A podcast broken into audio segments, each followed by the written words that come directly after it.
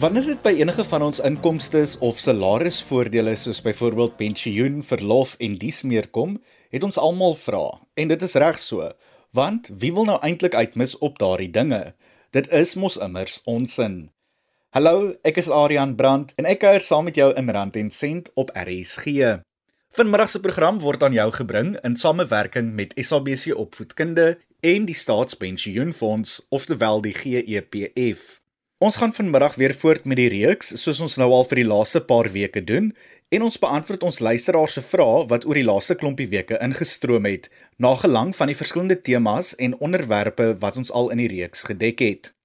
Nou net om jou geheue te verfris, deur die loop van die reeks het ons uitgevind wie die GEPF is, die voordele wat hulle bied, asook die verskillende prosesse en hoe alles werk. Ons het gesels oor belasting en hoe dit die GEPF uitbetalings affekteer, asook die verskil tussen aftrede en bedanking. Tydens daardie gesprek het ons ook gekyk na hoe dit uitbetalings affekteer.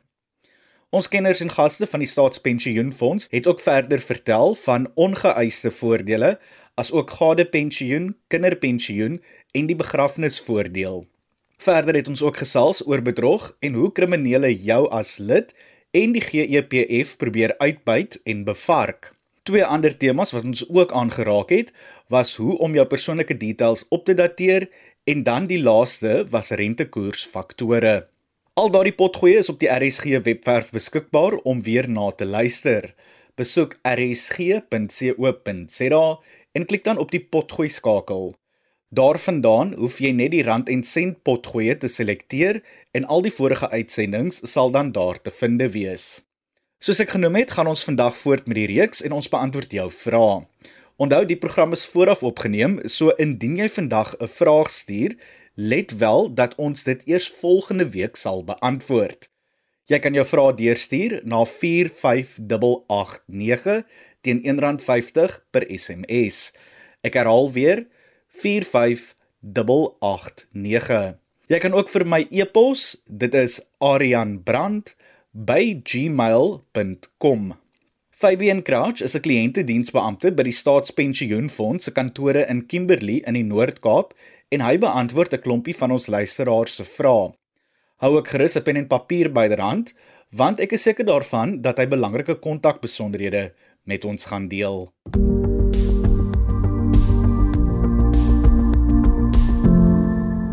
Fabian, ons gaan vanmiddag weer voort met ons staatspensioenfonds reeks wat aangebied word in samewerking met die GEPF en SABC Opvoedkunde.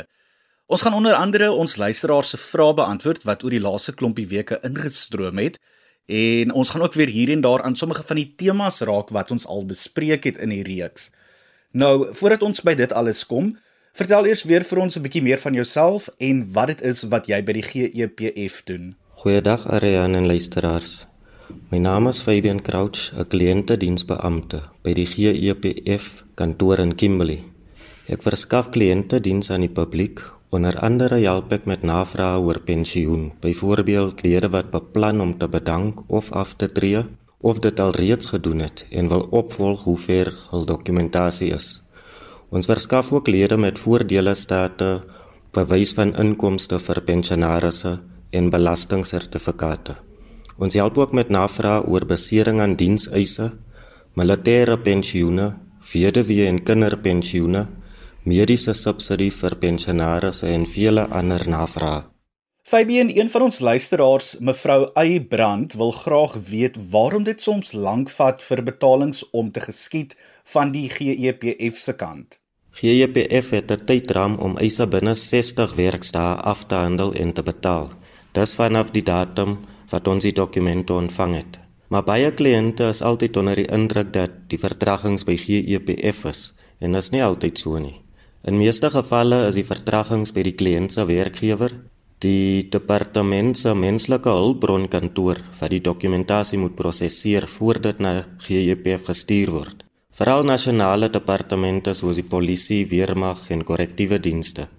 Want hulle prosesseer nie die dokumentasie by die provinsiale kantore nie. Hulle moet dit na nasionale kantore in Pretoria stuur en soms neem dit maande voordat dit na GEPF gestuur word. In die geval waar GEP die dokumentasie wel ontvang het en daar is vertragings. Is dit omdat daar moontlik uitstaande dokumente of inligting is wat die werkgewer moet verskaf het of dokumente is onduidelik of nie gesertifiseer nie en dan moet gee EPF dit terugstuur na die werkgewer vir korreksies. In die geval as daar 'n egskeidingseis of kinderonderhoudeis op 'n lid se pensioen is, vertraag dit ook die proses by ons regsafdeling want ons mag nie die lid se pensioen uitbetaal voordat die eise afgehandel is nie want die eisbedrag moet eers van die lid se pensioen afgetrek word. Die rede vir die vertraging is omdat ons regsafdeling 'n agterstand ervaar as gevolg van duisende eise wat in die regsafdeling is en daagliks word daar nog nuwe eise ingedien. Nou, Joey het ook laat weet dat hulle 'n pensionaris is, maar nie 'n maandelikse betaalstaat ontvang nie. Waarom ontvang hulle nie 'n betaalstaat nie en sal dit nie tog help met die voorlopige belasting nie? Die betaalstate of bewys van inkomste state word nie maandeliks aan pensionaarsse gestuur nie. En baie van die pensionaarsse bly nie meer by die adresse wat op ons stelsel is nie en om die state uit te stuur na die verkeerde persone kan lei tot bedrog. Die betaalstate kan by enige GPF kantoor aangevra word of deur die inbelsentrum te skakel by 0800 117669 of dit kan ook per e-pos aangevra word of dit kan afgelei word op die GEPF se selfdiens-app op 'n selfoon of rekenaar as die pensionaris geregistreer is op die app of op die selfhelp platform. Deur bogenoemde platforms kan die belastingstate vir pensionarisse ook aangevra word vir belastingopgawes. Samuel Walters van Gouda het ook vir ons geskryf. Hy is nog onseker oor die verskil tussen 'n pakket en 'n pensioen. Fabian, kan jy dalk vir ons hiermee help? Die staat verskaf nie meer pakkette aan die lede nie, maar bedankingsopsie of bedankingsvoordeel. Dit werk omtrent dieselfde wat die lidpakket gekry het en sy hele pensioen ontvang het as 'n lomsom. Is dit dieselfde met bedanking? En met betrekking tot pensioene of aftrede is wanneer die lid aftree op die ouderdom van 60 en die aftrede opsie uitvoer dan sal die lid 1/3 van sy pensioen as 'n lomsom ontvang en die 2/3 sal sy maandelikse pensioen betaal elke maand. En dit word betaal totdat die lid afsterf. Alles is lid se 2/3 sal uitgeput en klaar uitbetaal.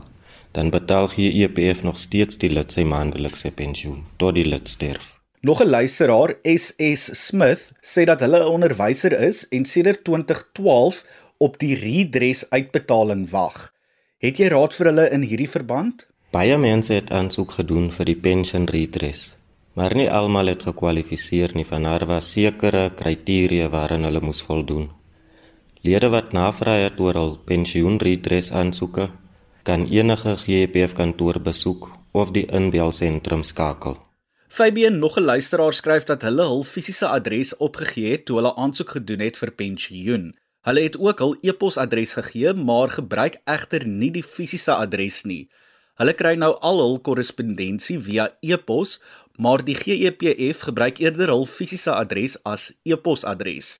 Hoe kan hulle dit verander sodat die GEPF alle korrespondensie na hulle e-posadres toestuur?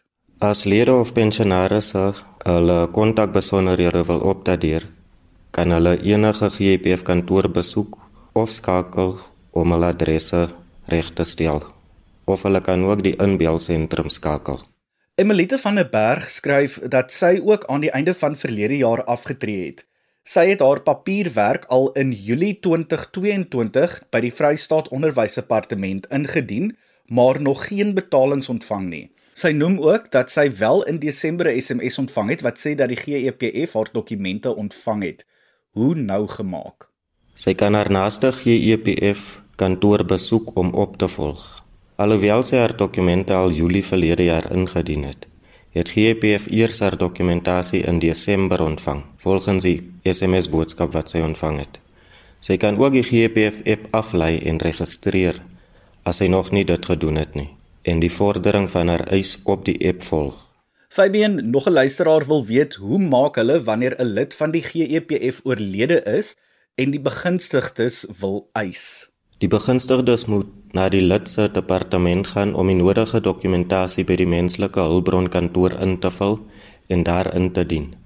Daarna sal die menslike hulpbronkantoor die dokumentasie na GPF stuur vir prosesering. Indien GEPF die dokumentasie ontvang het, dan kan die begunstigdes die vordering van hul eise by enige GEPF kantoor opvolg. Anoniem het ook vir ons 'n SMS gestuur. Sy sê haar man kry 'n ongeskiktheidspensioen van RMA. As hy sou sterf, kry sy die vrou dan nog die pensioen of hoe?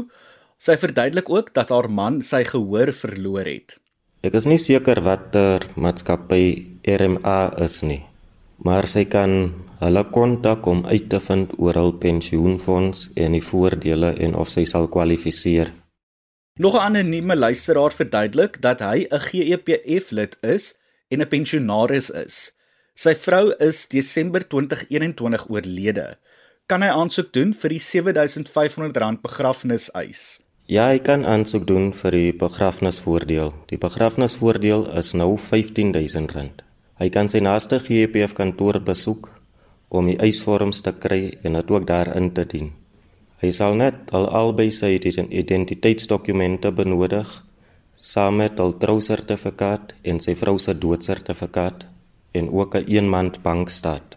Fabian, hier is nog 'n boodskap van 'n luisteraar. Sy skryf: My man is in 1989 oorlede, maar hy was nie 'n onderwyser nie. Ek, sy vrou, is nie weer getroud nie. Ek was vir meer as 20 jaar 'n onderwyser en het in 2009 afgetree. Ek kry my pensioen, maar ek wil graag weet Op my pensioenvorm by aftrede is aangetoon dat 50% afgetrek word vir gade pensioen. Ek het nie pensioen van my man gekry nie. Ek was vanaf 1989 die enigste broodwinner. My dogter was 8 jaar oud en my seun was 6 toe hy oorlede is. My suster wat 6 jaar jonger as ek is en nog getroud is, se pensioen is dieselfde as myne. Kry ek dalk nou al vir 19 jaar te min pensioen? Die 50% was nie van haar pensioen afgetrek nie. Die gade of weduwee pensioen is 'n gratis voordeel wat GEPF verskaf aan die gade indien die lid of die pensionaris afgesterf het. Daar is 'n standaard 50% opsie en 'n 75% opsie wat die lid moet kies. Dit bedoel maar net in die geval van haar sterfte en daar is 'n gade dat die gade moet 50% van haar pensioen kry vanaf die bedrag wat sy heidaglik ontvang.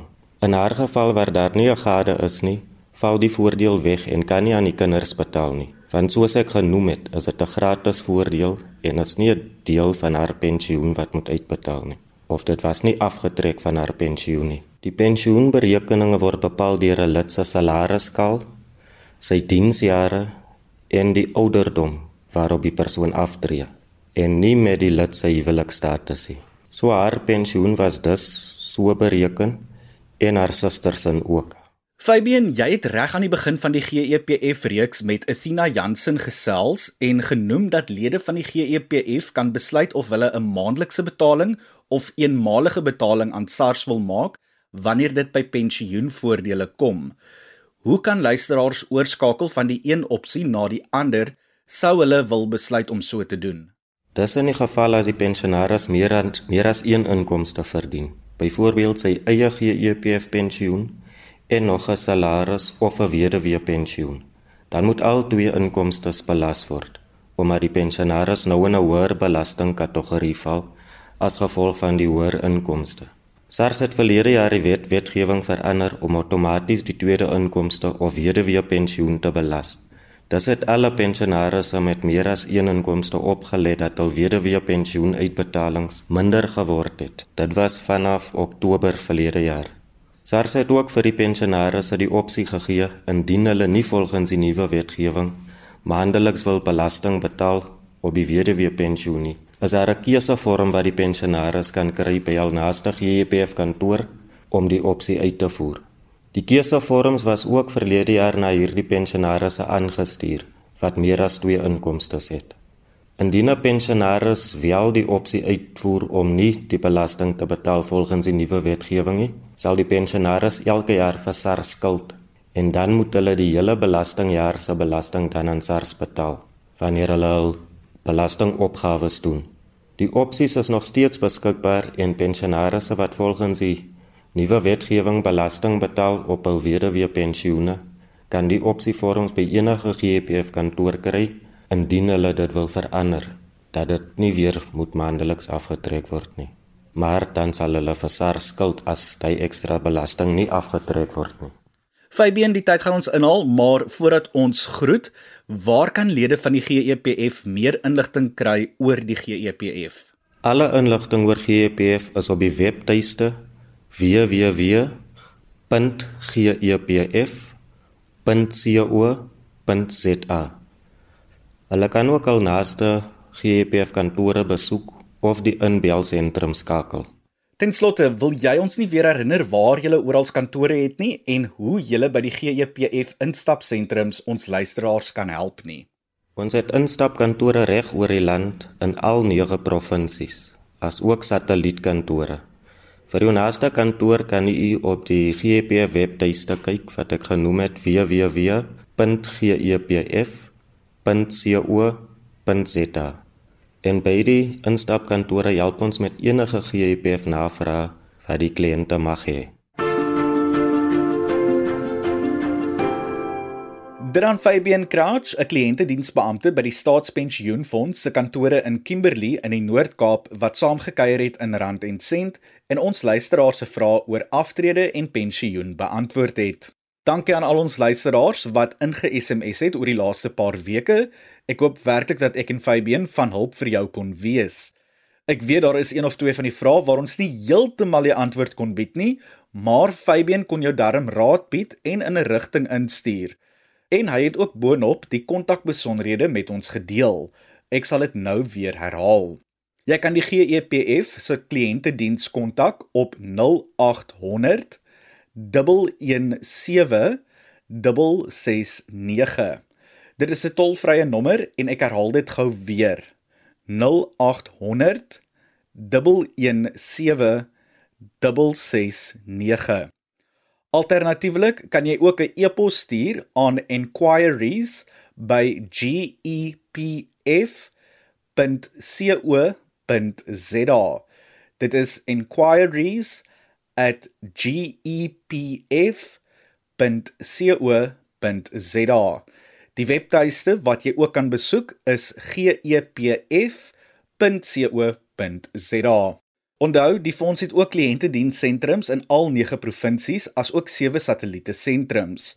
So indien jy bietjie tegnologie gestremd is, is jy meer as welkom om in te stap by daardie sentrums. Jy is ook meer as welkom om jou vrae vir my te stuur. My e-posadres is arianbrand@gmail.com. Indien jy onseker is oor die spelling van my e-posadres, gaan loer gerus op my aanbiedersprofiel op die RSG webwerf. Dit is tyd vir my om te groet. Skakel volgende Sondagmiddag weer in wanneer ons verder gesels oor die Staatspensioenfonds. Tot dan, geniet die res van die middag in die geselskap van RSG en mooi loop.